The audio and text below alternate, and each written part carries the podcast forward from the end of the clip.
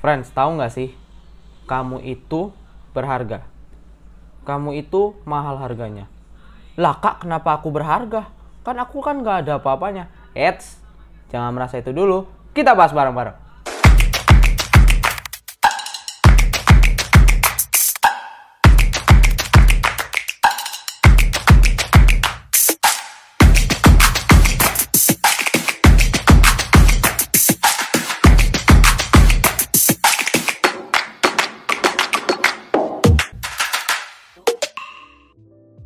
Nah, hari ini aku mau menjabarkan beberapa facts tentang crisis of identity, tentang krisis identitas diri. Nah, teman-teman, kalau kita bayangkan, setiap tahun ada 800 ribu orang yang melakukan bunuh diri. What? Kok ada bunuh diri, Kak? Iya, karena kehilangan identity mereka. Makanya mereka melakukan yang namanya bunuh diri. Kalau kita lihat WHO sudah menjabarkan hal itu. Sekitar 800 ribu anak-anak muda yang melakukan bunuh diri. Dan penyebab kedua tertinggi pada remaja usia 15 sampai 19 tahun itu adalah bunuh diri. Nah, dan juga sebenarnya pemicu dari bunuh diri itu adalah bullying. Lah, kenapa bisa? Nah, kakak coba jawarin ya teman-teman ya. Nah, bully itu sering menjadi pemicu kasus bunuh diri. Karena apa? Di Indonesia aja, di sini aja udah 90% remaja itu mengakui pernah dibully loh. Terus 40% dari kasus bunuh diri remaja di Indonesia itu disebabkan oleh bullying dan juga crisis of identity itu teman-teman. Nah, sebenarnya friends, kalau kita lihat fakta di atas, kita sebagai anak-anak muda harus merasakan bahwa aku itu berharga. Dan juga aku mau bilang ke teman-teman semuanya, kamu berharga. Kenapa? Kalau kita lihat di 1 Petrus 2 ayat 9 sampai 10. Kamulah bangsa yang terpilih, imamat yang rajani, bangsa yang kudus, umat kepunyaan Allah sendiri. Untuk memberitakan perbuatan yang ajaib, yang ajaib itu kamu dipanggil keluar. Justru kita itu diciptakan sama Tuhan bukan secara kebetulan. Terus the biggest questionnya adalah aku ini siapa? Kita belajar lagi ya. Kalau kita lihat bahwa identity atau gambar diri itu adalah cara pandang kita, memandang diri kita. Terus kita pakai cara kita dengan cara pandang Tuhan. Nah, kalau kita lihat ayat di atas bahwa yang mengatakan adalah Tuhan kepada kita bahwa kita adalah berharga. Nah, kalau kita lihat aja di satu Petrus pasal 1, kalau kita lihat di pasal sebelumnya kan dibilang, kamu telah ditebus dengan cara yang baru. Kamu telah ditebus dari cara hidupmu yang lama, yang semuanya sia-sia. Dan kamu ditebus bukan karena barang yang fana, bukan karena darah bukan karena emas dan perak, tetapi dengan darah yang mahal.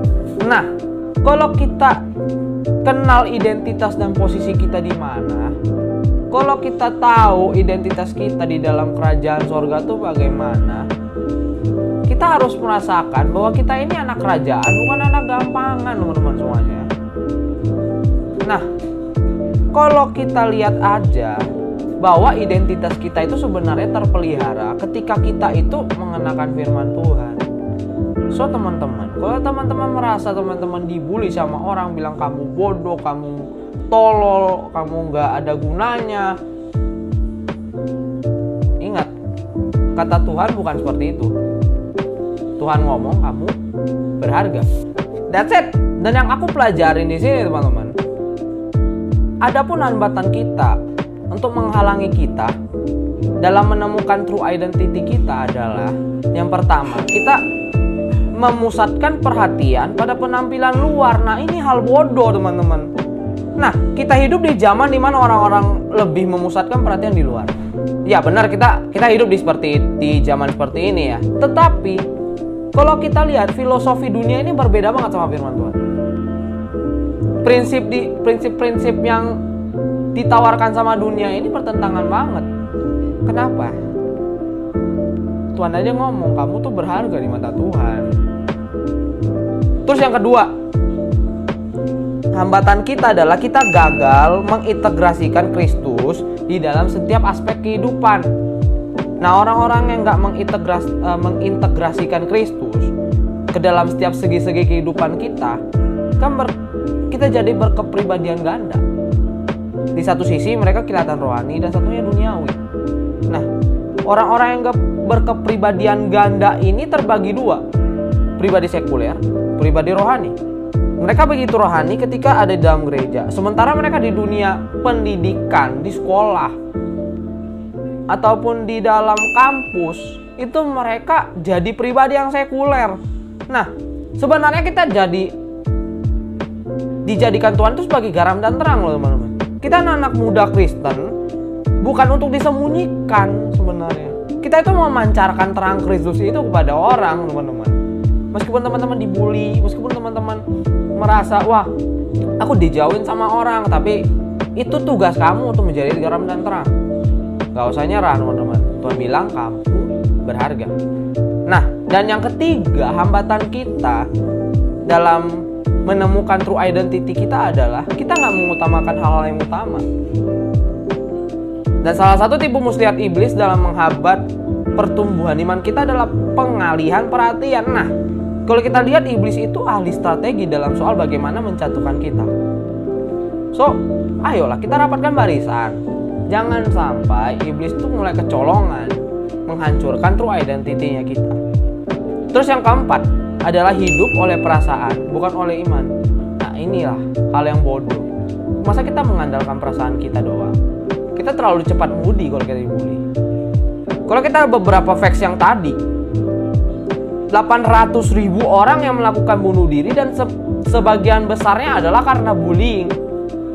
Karena mereka nggak tahu, karena karena mereka itu nggak tahu bahwa Tuhan bilang dia itu berharga. So ayolah teman-teman Bangkit. Kita sampaikan Kepada orang-orang yang membutuhkan kasih ini Kamu berharga. Terus Sebenarnya Gimana sih Tuhan melihat kamu Gimana sih Tuhan melihat kamu Nah yang pertama yang aku pelajarin di sini adalah Allah melihat kita sebagai sosok yang selamanya patut dikasihi dan ia menciptakan kita menurut gambarnya. Tuhan ayah udah ngomong gitu loh teman-teman. Terus yang kedua, yang saya pelajari, Allah melihat kamu sebagai sosok yang nggak terbatas harga dan nilainya. Gak ada terbatasnya sama sekali loh teman-teman. Seberapa berharga ya nilai kamu bagi Tuhan? Mahal kali. Sampai-sampai Tuhan mencurahkan darahnya yang mahal. Masa kamu merasa down kalau kamu diceloteh sama orang? Kalau kamu dinyinyirin sama orang kamu dan yang ketiga yang kupelajari, Tuhan melihat kamu sebagai sosok yang kompeten dalam segala hal. Nah ini dia. Tuhan memberi kamu kuasa. Karena roh kudus turun atas kita. Tuhan sangat mempercayai kita teman-teman sebagai apa? Sebagai duta atau utusannya Tuhan di bumi So Tuhan percaya banget sama kita. Itulah tiga hal yang akan kusampaikan buat kamu semua kenapa kamu berharga. Nah, sebenarnya what should you do? Apa yang harus kamu lakukan? Pertama, kamu perbarui komitmen dulu sama Tuhan. Perbarui komitmen sama nilai-nilai kerajaan Allah. Kita harus rendah hati. Kita harus mengakui keadaan ini kita harus tahu bahwa dunia membutakan mata kita sehingga kita menganut sistem nilai duniawi yang jago membersihkan membersihkan bagian luar cawan agar kelihatan baik gitu. Terus yang kedua, what should we do? Kembangkan kehidupan batin bersama Tuhan. Wow. Raja Daud aja selalu merindukan hadirat Tuhan. Raja Daud aja merindukan hadirat Tuhan melalui puji-pujian, apalagi kita. Next. Dan yang ketiga, itu adalah kita tinggal dengan firman Tuhan. Kita renungkan tiap hari, kita lakukan tiap hari. Itu yang kita lakukan dalam menemukan identiti kita yang seharusnya. Terus yang keempat adalah bangunlah kehidupan doa setiap hari karena apa? Salah satu tanda seseorang memiliki hubungan yang baik dengan Tuhan adalah kehidupan doa dan konsisten. Alkitab dan doa itu nggak boleh dipisahkan. Dalam doa kita berkomunikasi dengan Tuhan. Melalui Alkitab, Allah berkomunikasi dengan kita. So, ayo teman-teman, kita sadar bahwa identitas diri yang sehat adalah melihat diri sendiri sebagai Tuhan melihat kamu. Gak lebih dan gak kurang. Maka itu kamu berharga.